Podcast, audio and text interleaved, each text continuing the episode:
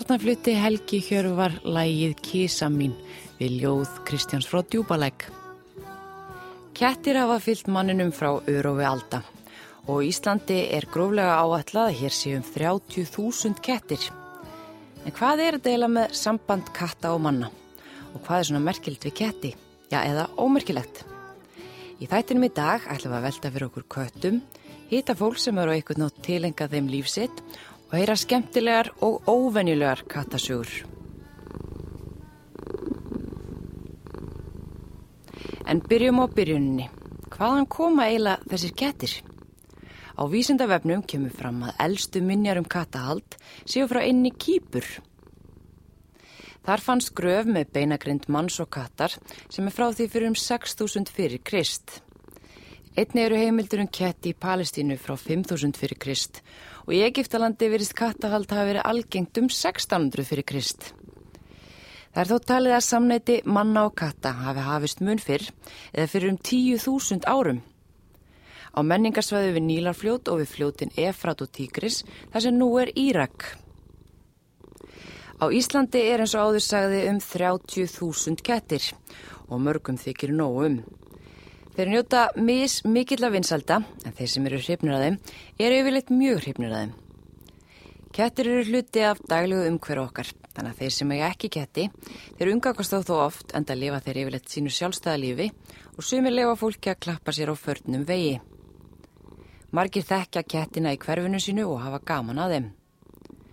Reyndar eru sumir sem þóla alls ekki ketti og það hefur jafnvel verið eitrað fyrir köttum hér á landi sem er hræðilegt dýranýð en í dag ætlum við ekki að tala um fólk sem þólar ekki ketti og heldur ekki við það. Þessi þáttur er tilengaður kattavinum.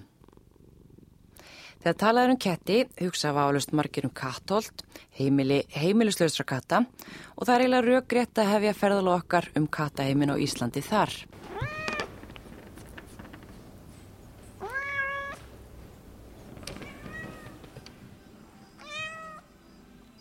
Kattavinafélagið stendur að baki kattolti. Félagið var stopnaður 1976. Þá var byrjað að taka á móti heimiluslusum óskilaköttum sem fundist höfðu á förnum vegi. Þeir voru fyrstum sinn færðir heim til formannsfélagsins Svanlögar Löfi sem veitti þeim mat, umönnun og húsaskjól í sérstöku herbyggi á heimilisinu að reynimel í Vestubænum í Reykjavík. Reynd var að koma köttunum til síns heima en ef það gekk ekki þá reyndi hún að finna heimili fyrir þá eða þeir voru svæfiðir á kostnað kattavinafélagsins. Svanlög var mikill kattavinur og hóf starfsemina vegna elsku sinnar á köttum. Fljótlega fór hún líka að taka sér að passa ketti þegar eigandi þeirra fór í ferðalög eða gátt ekki verið heima af einhverjum ástæðum. Þannig hófst svo starfsemi sem nú er reikin í kattolti að stangar hild 2 og þangað er ég einmitt kominn. Haldur á Snorradóttir tekar á móti mér en hún hefur starfað í kattolti í sex ár. Við byrjum á því að fara inn á kattahótelið en þeir kettir sem eru þar eru algjörlega aðskildir frá þeim heimilslausu meðal annars vegna smittættu. Hér í kattahólti er oft upp í 100 kettir og eins og heyra má er mikið mjálmað. Hér eru nokkru kettir í búrum, hver með sitt bæli og matardall. Svo er einum og einum sleftur búrun í einu og hann fær aðeins að hlaupa um. Það er skemmtilegt þegar við mætum á morgnana þá er alveg þá heyrist mikið í köttunum og mikið að spjalla og láta vita af sér. Og svo strax þegar allir eru búin að fá reyna dalla og nýjan mat og klappið sitt og þá hljóðunar allt. Þá er allir bara ánæðið með sitt. En svo er bara svo mismunandi uh, hversu mikla þörf kettir hafa til að tjá sig og mjálma. Að heimiliskettir hafa vanið sig á að mjálma til þess að ná aðtegli eigandans meðan til dæmis með villiketti að maður heyri þá sjálfnast mjálma að þeir náttúrulega alast ekki upp í, í kringum mannin og þá sannsagt einhvern veginn læri ekki þetta að, að mjálma. Hafi ekki sko þörfina til þess að mjálma og tjá þannig hvað þau þurfa. Svo er náttúrulega mjálminn mismunandi hvað þau þýða. Já, það er nú, kettir eru oftast, þeir eru að tjá sig og, hérna, og það getur þýtt ég er svangur eða ég vil fara út og þeir sína oft meiri væntu þeikju við eigandirna þegar vilja eitthvað. Það er smá tækifæri sinna þér. Já, ekki spurning. Þekkir þú til dæmis munin á, á mjálmunum hjá þeim? Nei, ég get nú ekki sagt það beint en maður finnur nú oft á þeim hvað þið vilja og líka ef maður þekki vel köttin þá byrja maður að læra inn á hann. Þú hittir nú ansi marga ketti hér í starfiðinni í Katholti. Já, ég er búin að vera hérna í sex ár og búin að hitta og sjá marga ketti og það er hægt að segja að það er engin engs. Þeir eru allir skemmtilegir og sinnhátt, sumi mjög krefjandi og, og aðri sem fyrir svona minna fyrir en það kom oft margi mjög skemmtilegi personuleikar og maður tengist þeim mjög mikið. Það er og við erum að taka við hérna á hverjum degi við köttum. Og þetta er svona ákveði ferli hjá okkur að það er fyrsta aðtúar hvort kísurnar eru mertar og þær eru auglistar hérna hjá okkur. Og ef engin eigandi spyr eftir þeim að þá fara þær í heimilisleit og við finnum þá nýtt og gott heimili fyrir þær. Og hérna fara alla kísur teknar og samband og örmertar að við viljum ekki stuðlað og fjölgun kata. En það er svolítið vandamálið ekki? Jú, það er vandamál að fólk tekur ekki dýrin svona sambandi og þess vegna er að fæðast margi kettlingar sem erfitt er að finna heimili fyrir. Og engs með örmerkinguna að það eru margi sem örmerki ekki dýrin sín og það gerir okkur erfiðara fyrir að finna eigandunar ef þau týnast og einnig er fólk ekki nógu duglegt að breyta skráningunni svo oft fáið til okkar ketti sem eru skráður á fyrrum eiganda sem veit á möguleg ekki hvert hann létt köttin og þannig þá lendum við í miklu vanda. Hvað eru að tala um sé mikið af köttum sem að, eða hvað er þetta margi ketti sem þurfa að fá til ykkar? Við erum að fá svona nokkuð hundruð ketti á ári og þetta eru bara kettir á öllum aldri og í mismunandi ásökkomulagi sem við þurfum mikla læknisaðstóð eru kannski mögulega geta verið brotnir eða veikir og það er náttúrulega verið góðu samstarfið dýralækna sem meðhandla þá dýrin fyrir okkur og koma þeim aftur til heilsu. En hvað er það sem er svona skemmtilt við ketti eða merkilegt? Það er, þeir gefa svo mikið af sér og þeir hafa svo góða nervur að, að margir segja að ketti séu sjálfstæðir og alveg sami mannfólk en ég er ekki sammála því. Ég finn bara hvað ketti þurfa mikið á okkur að halda. Og til dæmis þegar kettur eru búin að vera einn á hóteli og eigandin kemur að sækja þá sér maður hvað köttun hefur saknað eigandans mikið. Og líka fólk hefur talað um þegar koma aftur heim með köttin að þá eru þeir sérstaklega ástsjúkir og vilja mikið vera hjá eigandanum. Svo að þeir þurfa okkur að halda og svo að þetta er bara einmitt svo dásanlega dýr. Kettir virðast hafa einstakt laga og koma sér út í hinn ímsu ævintýri. Það hafa líklega allir einhver tíman heyrt sögur af köttum sem týnast svo vikum, jafnvel mánuðum, stundum árum skiptir, en skila sér svo heim á endanum. Oftan þess að eigandunir hafi nokkra hugmyndum hvar þeir hafi haldið sig á meðan. Við heyrum líka stundum sögur af köttum sem fara á milli landsluta. Ketti fara nefnilega sínar eiginleiðir og eru forvitnar og ævintýra gertnar verur.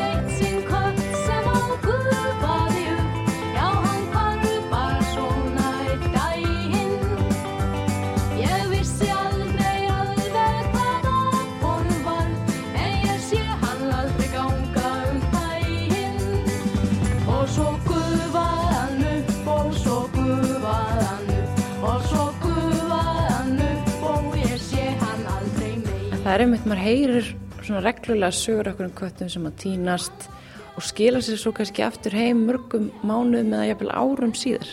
Já, þetta er mjög reglulegt að koma til okkar týnda kísu sem eru búin að týnda mjög lengi og kannski lengsti tími sem ég man eftir að það voru tveir kettir sem voru búin að vera týndir í sjö ár og þeir komist aftur heim með hjálp örmerkingarinnar því þeir voru örmertir á upprunaleigandan en engin veit hvað þau voru í þennan tíma. Svo þetta var mikið ráðgáta og þau voru ekki illa haldnir, svo þeir hafa verið á heimilið þennan tíma. Kanski bara búið þarna og svo ákveða að flytja út aftur? Mögulega og en í þessum tilfellin þá komist þau báðir heim og eigundinu voru alveg skíjónum. En svo fáum við líka til eitthvað ketti sem eru búin að vera týndir mánuðum saman og eru þá oft illa haldnir, bara mjög hungraðir og, og bara veikir búin að vera á vergangi af því að eh, margi kettir spjara sig, spjara sig ekkert vel hérna út í náttúrunni. Svona heimilisketti sem eru bara vanir að, að vera inni. Sumir gera það samt? Það er mismöndi hversu vel þið spjara sig. Það er mjög mismöndi hversu sterkið þeir eru. En átt þú sjálf ketti? Ég á tvo og það er Mozart og Tinni og þeir eru að sjálfsögðu hérðan og kattaldi og Mozart til dæmis, hann fannst síðast á sömar hérna í Runna í Reykjavík, bara svona þryggja mánuða kettlingur, mjög vannærður og, og kaldur. Og það muniði mjög litlu að hann hefði farið í hjartastopp af því að hann var búin að vera úti svo lengi. Og en það þurfti að hjúgrónum og hann til heilsu. Og í dag er hann bara mjög stór og stæðilegur högni hann er bara mjög hress og kátir. Er þau stundum að fá bara kettir sem þau sjáu eða ykkur hefur reynilega bara skilið eftir úti til þess að deyja? Já, því miður og það eru alltaf tilfelli að fólk skilur kett eftir í pappakossum fyrir utan hjá okkur og líka við ruslagáma eða hendiðum út á víðavangi. Mér finnst þetta hafa breyst og fólk taki frekar ábyrð á dýrunum sínu núna en áður. Uh, ég veit ekki alveg ástæðuna. Það eru strángari dýravendunarlög sem tóku gildi bara fyrir örfáum árum og fólk kannski bara óði meira meðvitaðara en já, ég man eftir virkilega ljótum tilfellum bara fyrir örfáum árum þegar ketti voru skildir eftir í kartöflupoka í heimörk og líka í e, svona fristiboksi og þessi ketti voru bara mjög skattar á sálinni En svo er það svona tilfelli sem við erum að glýma við í dag. Það er, það er fólk sem er að sapna köttum og það verður þannig að það er kannski með tvo ketti og þeir byrja að fjölga sér og svo áðum að veita að þá eru komnir upp í 50 og þetta verður oft stort vandamál og, og það er alltaf svona erfitt að þannig tilfelli komi upp. Og þið vitið að nokkur svona dæmum? Já, við höfum tekið við svona nokkrum tilfellum hérna til okkar. Og þá bara gerist þetta eitthvað þegar óvart að vindur upp sig á fólki. Já, þetta tekur ekki langa tíma af því að, jæna, að dýrinu er mjög fljóta að fjölga sér og ef það er ekki tekið úr sambandi að þá fer þetta fljótt úr böndunum og fólk bara ræður ekki við ástandi lengur og þá oft leita þessi hjálpar. Það eru margar skemmtilegar sögur til á köttum þeir sem starfa í katóldi kunna þar margar. Haldóra deilir einni með okkur. Já, ég man eftir einni sérstaklega skemmtilegri að það var hérna köttu sem fór frá okkur á heimili til Vestmanni og svo nokkrum vikun síðar þá týnist hann og svo finnst hérna köttur í Reykjavík og kemur hérna í atkvarfið og við þekktum hann nú ekki fyrst en þegar við fórum að skannan að tömu örmerkingu þá kom í ljós að þetta var kötturinn sem það flutti Vestmanni svo ykkur neginn hefði hann komið sér frá eigum og aftur til okkar. Svo við viljum bara meina hann hefði saknað okkar en hann búin að búa núna í eigum í nokkur ár og bara mjög ánaður. En þetta er stundum algjör ráðgáta eh, hvernig dýrin týnast og, og svo bara finnast á einhverjum allt öðrum stað. Fá far með bílum og slíku. Hvað heldur þetta sé með samband manna og, og katta? Sko ég held þetta bara tengist í að við viljum okkur líður vel í kringum ketti og, og það myndast oft þessi sérstakka tenging millir manns og kattar að við hugsaum um dýrið og í staðin fáum við þessa væntu þykju frá kettinum til dæmis eins og fólk hefur líst í þegar það veikist að þá víkur kötturinn ekki uh, frá manneskunni og það er bara eitthvað svona við þetta sko að jæna, lífið er einhvern veginn betra með kettina með kvættanum Stundum er bara allt fullt hér Heiðu, Þetta er allt fullt hérna páskasumar og jól Já. Hvernig er það mest að gera hjá okkur? Það eru þessir álagstímar í kringum uh, þessi frí Var þá bæði mest að gera hótelinu og líka í etkvarinu? Nei, þá er það aðalega hótelið en sumatímin er svona tímu óskila kattana. Þá eru læðurnar að gjóta og fólk er að fara í sumafrí, sumi skilja dýrin sín eftir meðan í öðrum tilfellum að þá er fólk að sé bara að fara í sumafrí og köttunum fyrir pössun og týnist á meðan. Svo þetta er svona mest í háanatímin hjá okkur. Það er ekkert sumafrí í katthaldi? Nei, og ekkert jólafrí. Nei. Við förum af hótelinu og höldum í atkvarfið sem er í öðru sambyggðuhúsi en þar eru kettir sem eru heimirislausir af ymsum ástæðum. Þetta er allt aðskilið til að koma í veg fyrir smitt á milli katta. Við leggjum mikla áherslu á, á smittvarnir. Hér er það sem fólk kemur þegar það er að velja sér ketti. Já, Já. hérna kemur fólk og Við erum ofið alla virka daga og erum að sína kissur í heimilisleit og hérna er alltaf svona aðeins sterkari lykt sem tekur á mót okkur. Hérna eru ógælti fressar og það er alltaf svona sterkari lykt af þeim. Sjónarhóll heitir þetta. Hérna eru strákarnir. Þeir eru allir saman. Já, við reynum, kynjaskiptum oft og... Snýra sér ringi hérna. Hæ! Það er mjög fallið þessi. Þetta er á sami. Alla kísur eru með sín nöfn. Að við viljum hafa þetta bara personulegt og alla kísur séu með sín nöfn. Ekki að sé bara verið að tala um köttur 1 og köttur 2 og þessi svart og hvíti. Þannig þið nefnið þá? Við nefnum þá, já. Og við erum alltaf að reyna að vera eitthvað frumlegar og finna ný nöfn, svo við séum ekki alltaf að nota sömu nöfnin. En hérna inn er Sammi, Tinni, Amor, Douglas og Herra Perfect. Já, Herra Perfect. Og þetta eru kettir sem eru búin að vera kvælikið hérna? Það er mjög mismunandi. E, þessir eru flesti búin að vera hjá okkur í nokkra vikur eða mánuði. Það tekur alltaf mjög mismunandi tíma. Hversu langa tíma það tekur að finna þeim heimili? Sumir eru enga stund að fá heimili meðan aðrið þurfa að dvelja hjá okkur kannski í svona nokkra mánuði á þeim fara á heimili þá reynum við bara að hugsa bara mjög vel um þá og gefa mikið knús og klapp svo þeim líði vel hjá okkur með að býða. Og takið þið strax eftir hvernig personleikar þeir eru? Já, það kemur mjög fljótt í ljós og þegar fólk kemur hérna að skoða hjá okkur þá eh, reynum við alltaf að finna kött sem passar hverjum og einum. Já. Að finna eitthvað sem já, passa vel saman. Það er nú oft sagt að kettinni velja eigandan svo fólk þarf að koma hérna með ofin huga og bara láta velja sig.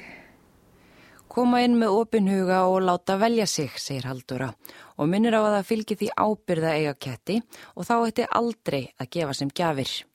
Dýrin geta lifað í 14-15 ár og, og maður þarf að gera sig grein fyrir strax í upphæfu hvað fælst í því eiga kött Þú þarfst að vera með ykkur til að passa þegar þú ferði frí eða nýta þér hérna svo hótelgistingu og það er ímis kostnaður sem fylgir.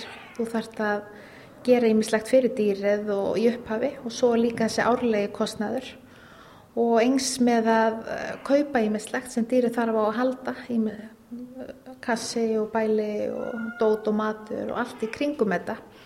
Að þetta er eh, heilmikil ábyrð að bera ábyrða á, á, á þessu lífi svo að jæna, bara, fólk gerir sér bara grein fyrir ábyrðinni og, og sé ekki að uh, gefa börnunum sínu dýr og ætlast til að þau hugsa um dýrin.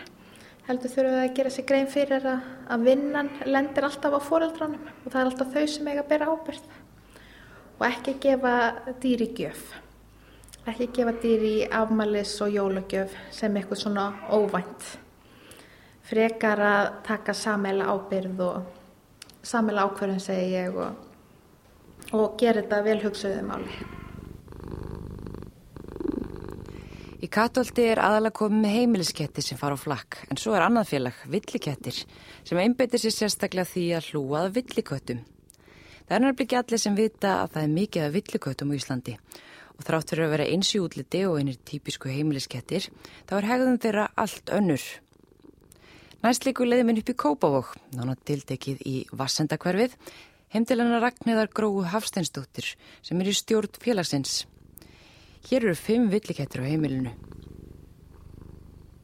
Byrjunni var að ég tók að mér verkanskött frá þállóksefn og í kjölfrað því þá fór að koma hérna fyrir þetta hjá mér annar köttur sem var líka flækingsköttur.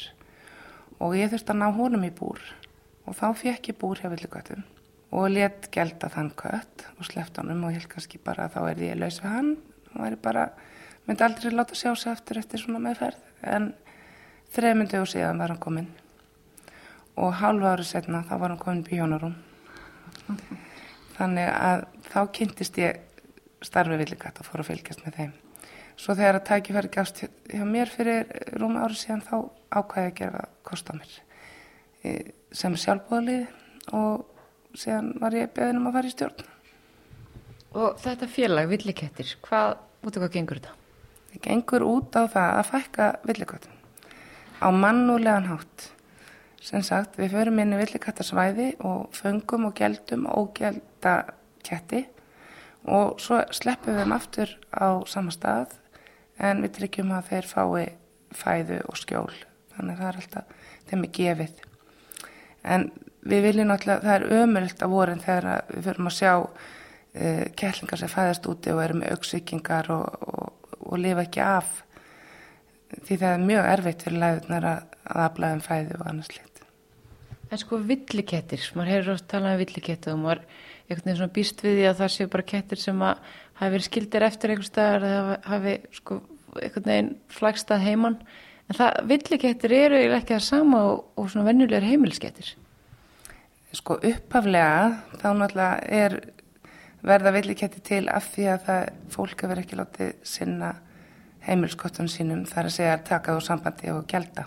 Þannig að þá fara að fæðast kettlingar úti sem að síðan verða að villikottum. En villikettir er ekkit eiginlegur sko, einhver sér dýrastopp, sko, ekki sér kattastopp. Þetta er náttúrulega uppálega sagt, uh, mannana vandamál, má segja. En villikettir sem fæðast úti, þeir leita ekki inn í hús til fólks. Það eru kettir sem hafa átt heimili og við kallum þá svona til aðgreðningar vergangsketti. En villikettir, hvernig eru þeir öðruðsig heldur en þeir sem eru aldur upp með mönnum? Þeir mjálum ekki og þeir láta bara yfirlt ekki sjá sig ef að mann, fólk er nálagt. Þeir fela sig og þeir leita aldrei inn í hús. Þeir eru ofta á yðnaðsvæðum og annars það er kannski á fiskvinnslum og það sem er svona einhver úrgangur, matarúrgangur. Þar eru þeir ótt.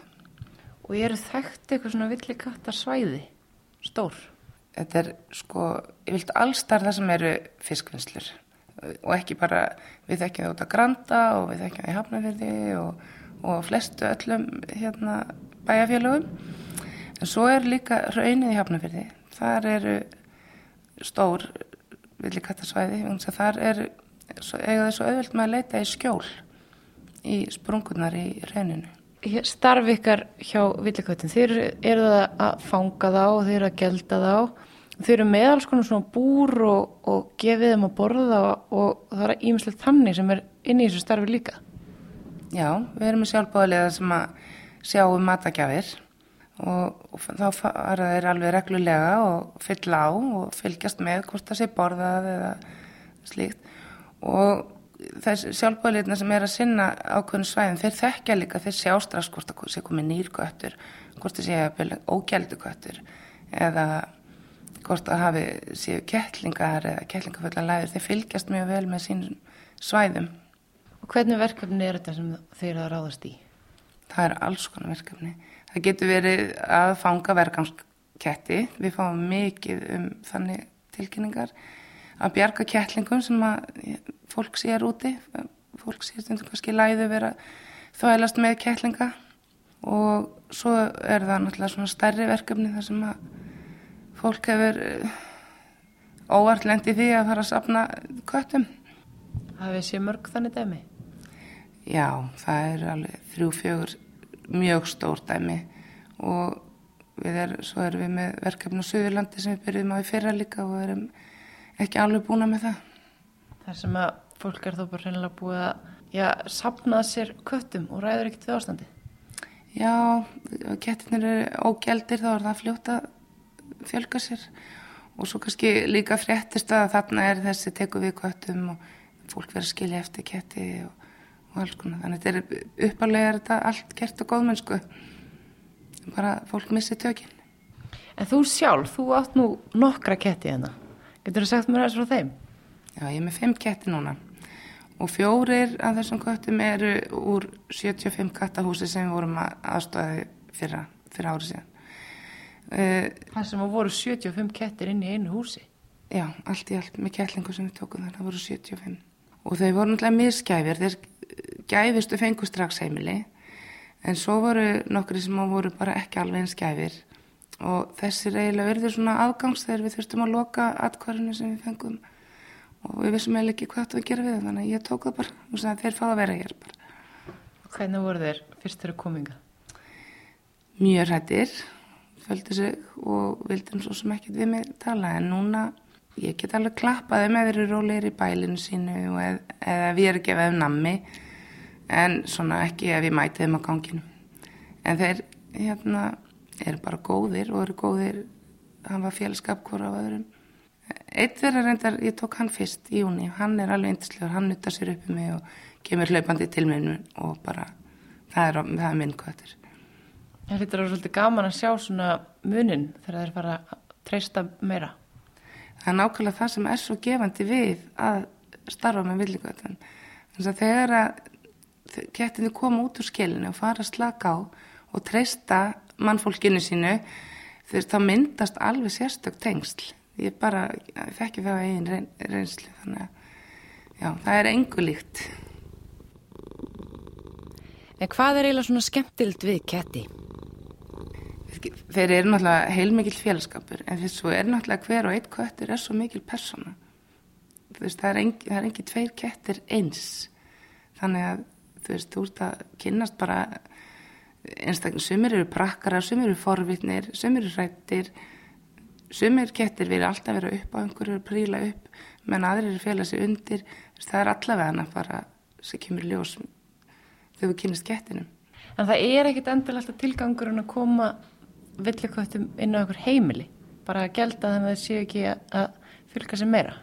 Það er aðalatriði, nei, villi, sko, villikvöttur sem er fættur úti og er orðin sko, meira en sex mánada á þennan kynst fólki, það er eiginlega bara ekki hægt að ætla manna hann einu á heimili. Þeim liði bara illa. Þeir, þeir þekk ekki þeir orðinu það gamlir þegar þá þau komast manna, undir mannahendur og þeim liði bara illa. Þeir eru bara alltaf stressaðir og við, við, við viljum ekki endilega leggja það á kettina. Við viljum freka bara þessi afslappaðir og geldir í sínu umhverfi skilur og með því að gelda þá er líka minga sko uh, þú veist eins og slagsmála millir fressa og, og þess að það fyrir ekki að berjast um læðunar og, og svona þannig að þeir hafa bara almennt síðan betra. En þið fylgist bara með þeim þá? Já, við fylgist með þeim og, og hérna og svo eins og út á Granda í sumar eða í haust þá, þá er, var eitt göttur sem að, hérna, við þekktum sem að við fengum ábyrningu um að hefði lengt greinlega fyrir bíl eða einhverju, hann var orðin það við sáum blóð og, og, og, og það varum sko, sjálfbálegar í marga daga að ná honum. Hann ætlaði ekki í búr. Og svo þegar við náðum á loksins og það var að koma hann til læknis þá komi ljós að hann var bara allur svo illa brotinn.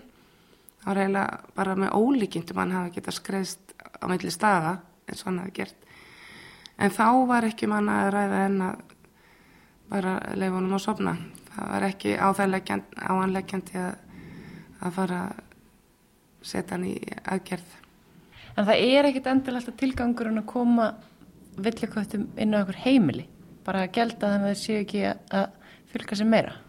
Það er aðalatriði. Nei, villi, sko, villikvöttur sem er fættur úti og er orðin sko, meira en sex mánada á þennan kynst fólki, það er eiginlega bara ekki hægt að ætla manna hann einu á heimili. Þeim liði bara illa. Þeir, þeir þekk ekki þeir orðinu það gamlir þegar þá þau komast manna, undir mannahendur og þeim liði bara illa. Þeir eru bara alltaf stressaðir og við, við, við viljum ekkert endilega leggja það á kettina. Við viljum freka bara þessi afslappaðir og geldir í sínu umhverfi er, og með því að gelda þá er líka minga sko þú veist eins og slagsmála milli fressa og, og þess að það fyrir ekki að berjast um læðunar og, og svona þannig að þeir hafa bara almennt síðan betra. En þegar fólk sér svona villikett úti það, uh, þá kannski ekki að vera nálgast á það er reyna að klappa þeim?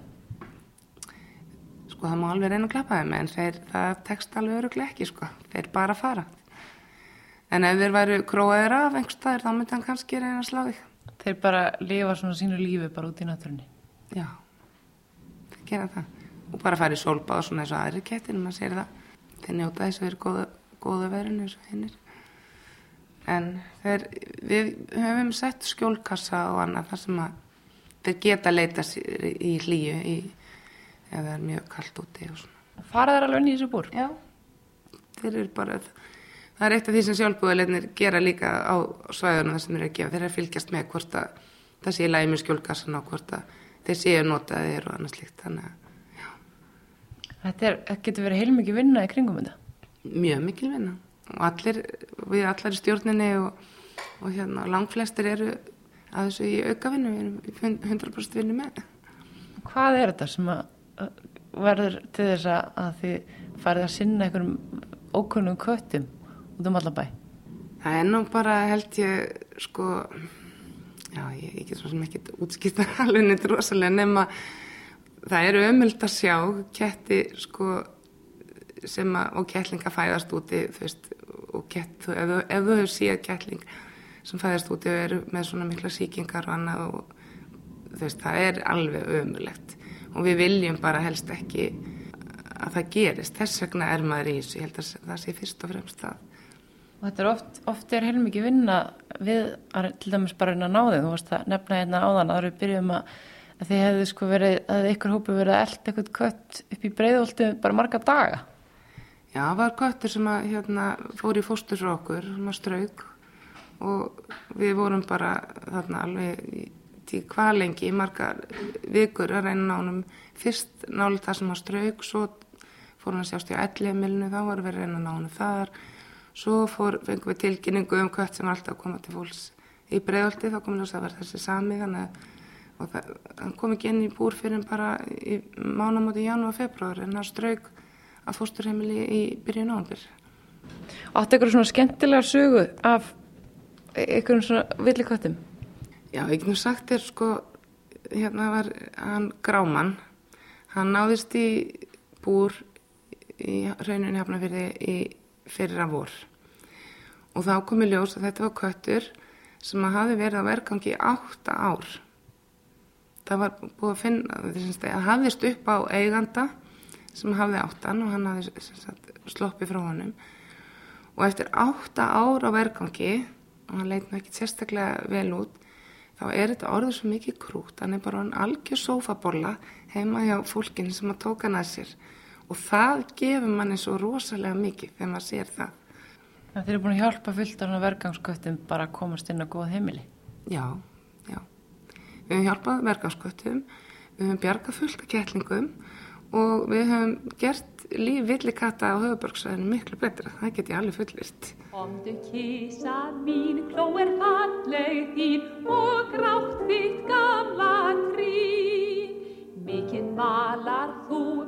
líkar nú, víst ertu vænsta hjú. Banar margri mús, mitt og friðar hús, ekki þér lús, oft þú spilar brús. Undrast niður létt og liður leikur bæði snör og hús, við skulum drekka dús. Já, félagar í villiköttum vinna svo sannarlega gott starf og hafa bætt líf margra villikata á Íslandi. En aðra við höldum lengra, þá er ég búin að mæla með mót við Hönnu Ólafstóttur sem er mikill kattavinnur og hefur átt köttin tígra í heil 17 ár. Hanna er vinkona mín og ég heimsótt hann á spítalan þegar hún var nærið því dauð af völdum tígra og þar sem þetta er einn sérkennilegasta kattasaga sem við hefum heyrt þá baði hann um að deilinni með okkur þar sem hann kannski, já og eitthvað nátt lýsandi fyrir þá ummyggju sem kattaeigandur bera oft fyrir köttum sínum og láta ímislegt yfir sig ganga.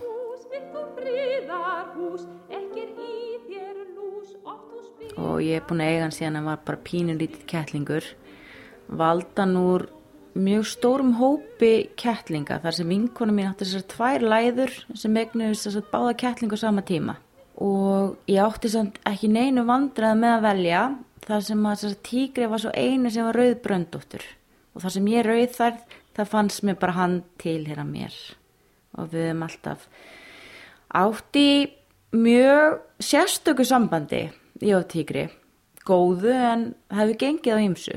Tígri var mjög erfiður unglingur, ef svo maður segja. Hann var hérna, hann var öruglega ofvirkur og hann var mjög aggressífur. Þegar ég svo egnaðist tígra bara því ég var nýflutta heiman og ég hef svo búin að egnast mína fyrstu íbúð, bjó einn mér var svo gott að hafa bara svona félagskap, þú veist. Þannig að, en tígri þess að hérna var mjög krefjandi félagskapur, því ég fekk aldrei frið. Ég mátti ekki reyfa mig ef ég satt í sófa og ég reyfði hendina, þá var hann búin að ráðast að hendina mér.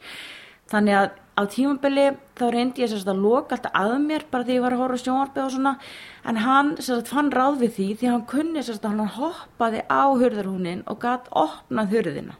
Um, og svo fannst mér bara, var þetta orðið þannig að ég var alltaf út klóruð einhvern veginn á höndunum og þetta var orðið bara svona, frekar svona erfitt fyrir okkur. Reyndar hefur samband þeirra hönnu og tíkra alltaf verið dáliti stormasamt og stundum finnst henni meira segja eins og hann sem er mennska sál og skilji meira en kettir eigi að gera. Tíkur let hafa fyrir sér en var yngu að síður ómissandi hluti af fjölskyldunni. Þegar hann að egnaði síni sína var hann fyrstum sín forvitinn um þá og hún ótaði smá viðbröð hans en síðan var þann mikill vinu þeirra en það ríkti gagkvæmu skilningur um hvað mætti ganga langt í samskiptum þeirra. Það var svo fyrir um tveimur árum síðan að dáliti óvinnilegt gerðist. Hanna og maðurinn hennar tókaði sér að passa kettling fyrir vínafólk sitt. Það var þannig að við fengum hennan litla sæti kettlingin á heimilið og sáum strax að það var ekki að fara að ganga. Kötturinn okkar sko setti strax upp kripu og hvæsti og sínda á sér svona mjög grimma hlið sem ég hafði aldrei séð áður. En ég hugsaði bara ok, þú veist þau eru farin upp í sveit, við erum að lofa að passa hana kött, við þurfum bara að standa okkur núna og, og hérna og það fór semst allt í þar einn að aðskilja þau og passa þennan litla kettling og, og allt það sem að gekk, jújú jú, það gekk svona með mikill vinnu og fyrirhöfn. Síðan sagt fyrir við að sofa, pössum að sagt tígri kötturinn okkar sé lokaður inn í herbyggi með kassan sinn og, og matinn sinn og dæin eftir vakna ég og eiginlega bara búin að gleyma sem kettlingi sem hafi fengið að vera sérst inn í okkar svefnurbyggi um nóttina og strákarnir mín eru vaknaður og þeir eru búin að opna allar hurðar og, og ég er ekkert að hugsa. Ég finn sérst að kettlingunni byrjum rúmi hjá mér og ég er bara þannig nývöknuð og með kettlingin og bara sultuslög ef svo maður segja. Nema hvað að allt í einu finn ég fyrir sásöka finn ég fyrir sárum sting í vinstra fæti. Og ég veit eiginlega ekki hvað þetta er. Ég er svona rekk við og, og þá sé ég kötti minn sem sagt hoppa fram úr rúminu. Og ég lít svona fótinn þá sé ég það blæður úr fætinum. Að þá hafði þess að tígri kötturum minn í svona sjúgleiri afbríðisemi annarkvort ætlað að ráðast á kettlingin eða móði sína mig sem hann augljóslega taldi sig vera illa svikin af. Uh, já, hann um, beit mig, það blætti og ég hafði ekki miklar áhyggjur með brá en ég hugsaði, já, já, heyrðu, ég ætla að fara bara í skólita og, og hérna og, og fór svona aðlega hugsun hvort ég þurfti að fá stífkrampaspröytu. Hún fekk stífkrampaspröytu en sólaringinu eftir varð hún veikari og fann sífælt meiri sársöka í löppinni. Hún hafði samband við læknavaktina en þar var henni sagt að hún þyrti ekki að hafa áhyggjur af þessu. Hún ákvæðsand morgunin eftir að fara upp á spítala og líklega eins gott. Þegar ég fæ skoðunan í hjókunafræðingi og þá horfum hún svona á mig og ég segi henni hvað gerist og henni finnst þetta mjög fyrirlegt. nema hvað að hún bara kallar strax þarna í fólk, byður um hjólastól og segir að, að rúlla mér inn á akut herbyggi og þá sagt kemur læknir og, og, og aðtöða lífsmörkin og þá er sagt um, blóðþristingur er mjög lár og, og púls er mjög hár og ég er aftur komið kuldakrampa og hann segir ég komið með stíklasótt eða blóðeitrun. Þá kemur sérst í ljós að kettir eru með mjög vonda bakteri í munnunum sem mann ekki hvað heitir en ef hún kemst í blóðið að þá getur það valdið með alvarlegum síkingum. Þannig að það enda nú þannig að ég þurfti bara að fá síklilífi æð og vera inn á spítala í nokkra daga og þetta var svolítið erfið síking að berjast við. Þú varst bara alltaf hægt komin eftir þetta bytt hjá kettin. Já svona þegar ég líti baka þá var ég þarna, það var ég hundveik. Og varst með mjög bólgna löpp. Með bólgna löpp, hún var alveg þreföld og mér var mjög ílt og, og hérna þetta svona, svo var þetta svona kortlagt sko, þú veist, með, með túspenna svona og maður sá sko hvernig síkingin svona breytti sér upp fótinn. Þetta var alveg svolítið, svolítið ógnalegt sko. Hanna enda á liggja á spítala í hátt í einu og hálfa viku í það heila og var heilengja að jafna sig. En hvað var þinn tígra? Ég fyrst hugsaði uh, að ég þyrst að láta hann fara og ég var í smá áfalli eftir þetta og ég hugsaði að þetta hefði geta verið sko bönni mín. Þú veist, það hefði verið hræðilegt og ég hugsaði að ég get ekki sett bönni mín í hættu og, og veist, kannski hann er orðin gamal, kannski er hann bara orðin eitthvað geðveikur, þú veist, hann hefur aldrei verið grimmur en kannski er þetta bara eitthvað, kannski get ég bara ekki treystunum lengur.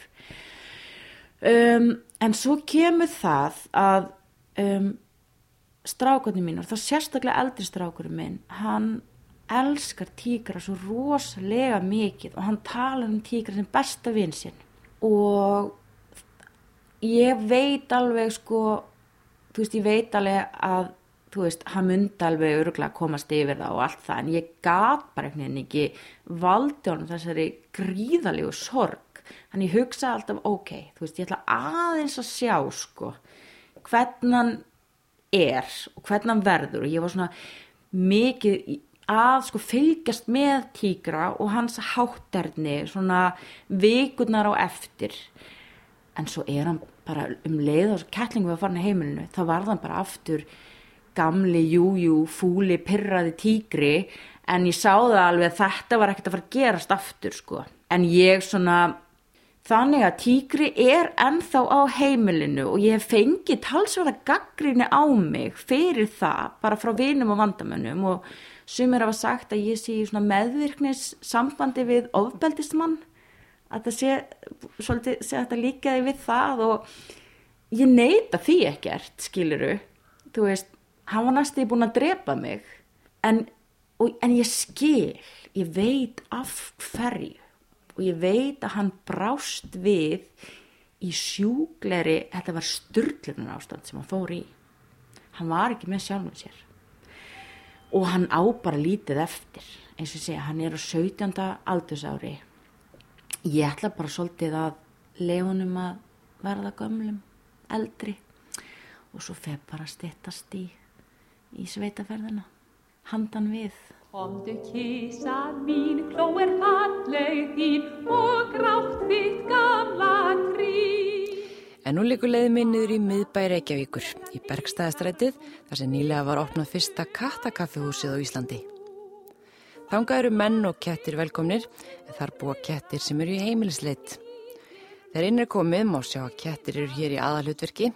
Vekkinnir eru skreyti með myndum á köttum eftir Helgu Björnsson. Einn kísa kúrir í körfu í glugganum og nýtur þess að láta kaffehúsa gest klappa sér en annar svartur köttur röltir letilega um og fær sér að drekka.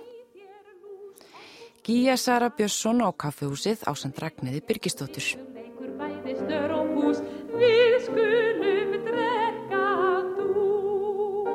Hugmyndina baka kattakafus, það er eiginlega, við erum báðar í og Ragnæði mjög mikla kattakonur og goða vinkonur og tölum eiginlega bara andalust um ketti. Og svo kom hún til mér einhver tíman með þessa hugmynd. Hún hefði séð að þetta er til Japan og Taiwan og nú er þetta bara um alla Evrópu og eiginlega bara um allan heim og okkur fannst þetta hljóma eins og bara fullkomin leið til þess að hanga saman, drakka kaffi og vera með kísur sem ég held að mjög margi vilja í rauninni. En við bara tókum þann draum og letum að vera að veruleika. Og þetta er alveg líka hugsun á bakveita þegar kettin eru, eru í heimilisleit og það er ofta á svona kattakaffu sem að kettir eru þá að leita nýja heimili. Og það er líka bara fyrir fólk sem fær ekki að kynast kísum, fólk með ofnæmi eða sem býr með fólki með ofnæmi eða býr í blokk eða er að ferðast mikið það er ofta þannig að fólk má ekki eiga gæludýr og þetta er svona góði leið til að kynast þeim og líka mjög mörg börn með fyrst eins og börn þurfa stundum að, stundum að kynast dýrum. Þetta er líka gott tækifæri til að kynna mörg og dýr og alls konar fyrir börn. Og svo líka bara er mjög róandi að vera í kringum kísur þær eru, það er svona þekktar fyrir að mala og þegar það er mala þá á þetta að vera eitthvað mjög róandi fyrir okkur Hvað er það með ketti sem er svona já, hvað getur maður sagt, merkilegt eða skemmtilegt við þú? Þetta er góð spurning þetta er svona katta hundamanneskja spurningin líka. Mér finnst hundar æðisleir en ég hef alltaf þekkt ketti. Mér finnst ketti bara eitthvað svo finnar týpur. Þetta er eitthvað svo fyndi dýr. Þetta er líka mest eitthvað svo spennandi við samlífið millir manna og katta. Þetta byrjaði þannig náttúrulega að þau voru bara að veiða mís og hjálpa okkur og allt mjög er auðvitað gæludýr. Og maður pínir svo þau veit alveg af því. Þau, þau, þau eiga en það eitthvað svona aðeins inni hjá okkur. Þau er eitthvað svona, já, við erum búin að hjálpa ykkur og þetta er ekki djók. Og mér finnst þess að kísum finnst þau vera svona aðeins betri en við. Og ég fíla það. Að því mér finnst þess að fólk, fólk upplýja alltaf pín eins og þessi betur en allir. Og mér finnst það alveg gott þessi ykkur sem er svona að setja sig aðeins herra en ég og getur ekki talað. Mér finnst eitthvað svona, svona góð samskiptið þar svo líka eru bara kettir með svo mikið persónleika svo finnir en það er raunin líka náttúrulega öll dýr og hundar líka það er bara eitthvað við bara eitthvað, ég veit ekki þeir eru líka bara loðnir og krútlegir ekkit allir náttúrulega en Já, mér finnst þetta mjög spennandi dýr, mér finnst þau rosalega klár, mér finnst þau fyndin og svo hef ég líka heitt alveg hundliðilega ketti þannig ég veit ekki alveg hvort þau sé allir klára. Þeir eru náttúrulega svolítið, einmitt, svolítið mjög sérfni personuleikar. Já, ég, ég þekki náttúrulega mjög marga ketti núna, það er búin að eiga alltaf marga ketti og hérna eru ketti líka á sleis. En mér til dæmis eins og Sóli sem er ketturinn minn sem er búin að vera í person hjá Ragnheiði sem á Katakafi sem er þess hún er svona algjör bara sjóræningi og hún var, fengum hann á stöðufyrði og hún var mjög mikið þar eitthvað að gera alls konar bull, hún er ekki hrættu neitt hún, ég fengi síntil frá Mónaco hittir það ekki það er svona kasínostæðir ja. þar sem hún fannst og hún lápar í gildum vaski þegar hún kom þangað. Og hún er bara, hún er alltaf að gera eitthvað vittlust og svo ég er bara svona sem algjör mús og hann vil bara kúra og hann er svona eins og kannski hundar eru hann kemur alltaf svo mjálmandi þegar ég kem heim og sínum mjög mikla ást eitthvað svona þannig. Og þetta er bara mjög fyndin dýr bara yfir höfuð Gíja segir kattasamfélag Íslandi vera mjög virt og þau finna vel fyrir því á kattakaffúsinu en það hefur verið nóg að gera síðan þau opnuði Það er bara kettir allstaðir og mér finnst þess að flestir þekki einhvern eitt kött á leiðinni heim svona, já, þessi köttur. Ég segi alltaf hæfa hann. Mm -hmm. en svo náttúrulega er hinn bótlinn sem ég held að það eru mjög margir sem hata ketti og vilja bara ekki að sé lappandum, ég veit það ekki alveg. En ég held að sé alveg samt mjög margir sem elskar ketti og það, mér finnst þess að flestir eins og það sé mjög margir með svona kattafjölskyldur eða þekkja kött eða eiga kött. Miklu meira finnst mér allavega heldur en í útlöndum, veist, vera miklu meira svona vennjan að fá sér kött. Hún segir nöðsilegt að fólk láti gelda kettina sína. Og þetta er ekki, ég skil alveg að fólk vilja eignast kettlinga, það er bara alltaf alveg meira nógu kettlingum, það er alveg meira nógu kísum, það þarf ekki fleiri. Og ég hef alveg hýrt fólk segja eitthvað svona, sérstaklega með læður að þau vilja leifin að upplifa það að vera móðir. Og ég held að það sé kannski pínur svona mann, hvernig kallast það, svona, svona anthropomorphism, eða svona að mann gera kettina, ég held að kettir þurfi ekkit endilega að verða móðir. Ég held að þau sé bara að lifa mjög góðu lífi án þess að fá að vera í móðu hlutverki það eru alltaf margi kettir og það er líka bara það, það er erfitt að vera alltaf það eru mjög margir að leita af heimli fyrir kettir sem þau átt sem þýðir það að það eru það er áframbóð af þessu dýri. Og svo er náttúrulega villi kettir og kattolt og allt þetta, þau eru alltaf í vesni hvað er mikið magn af kýrsum þannig að það er að gelda. En það er líka það bara, ég oft pælti það er svo erfitt að lega íbúðir með, sem má vera með gæludýr í og bara svona kannski benda á það kettir eru ekkert að fara eitthvað eðilega eitthvað eða ég veit ekki alveg. Mér finnst pínu svo að sé eitthvað miskilningur hvað, hvað þessi dýr gera. Það er ekkert eitthvað hræðileg dýr þau eru bara eitthvað ósköpt chilluð og þau eru ekkert að fara eðilega neitt. Ég held að sé bara við viljum líka að fólk byrja að kynast kannski þessum dýrum og fatta að þetta er já gelda og það sé ekki það mikið vesna eiga ketti. Og líka það þarf líka samt að hugsa um það ef maður á það maður er svona pína lendi því eða þú veist, mér veist ég oft lendi því að fólk veit ekki alveg hvað fóður á að gefa kettina og alls konar mm. og mér veist bara þetta er bara svo ótrúlega áhugaverð dýr og það málu geðum það veist, að kynnast þessum dýrum Það er við hæfi að enda þennan þátt af málið er, sem er tilengaður köttum, á læginu Katadúetin í flutningi þeirra Þurjar Pálsdóttur og Guðrunar á Símónar, sem var einhver þekktasti kattavinu landsins. Lægið flutti þær í sjónvarpunu árið 1983 í þætti Árna Jónsson.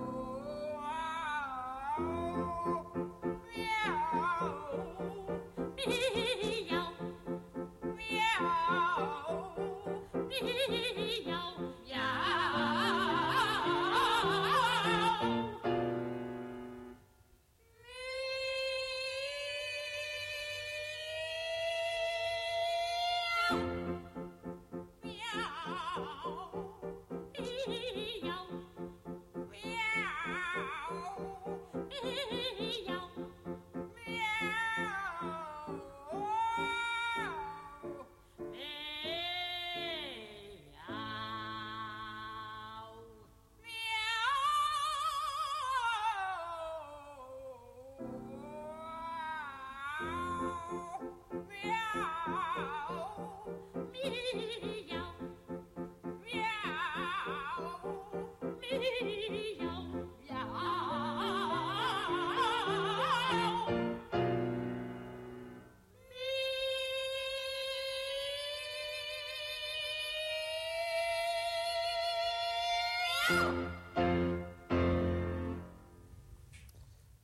ljúkum þessum þætti með þökkum til ykkar begja fyrir spjallið og skemmtunina og megi söngur ykkar hljóma sem viðast.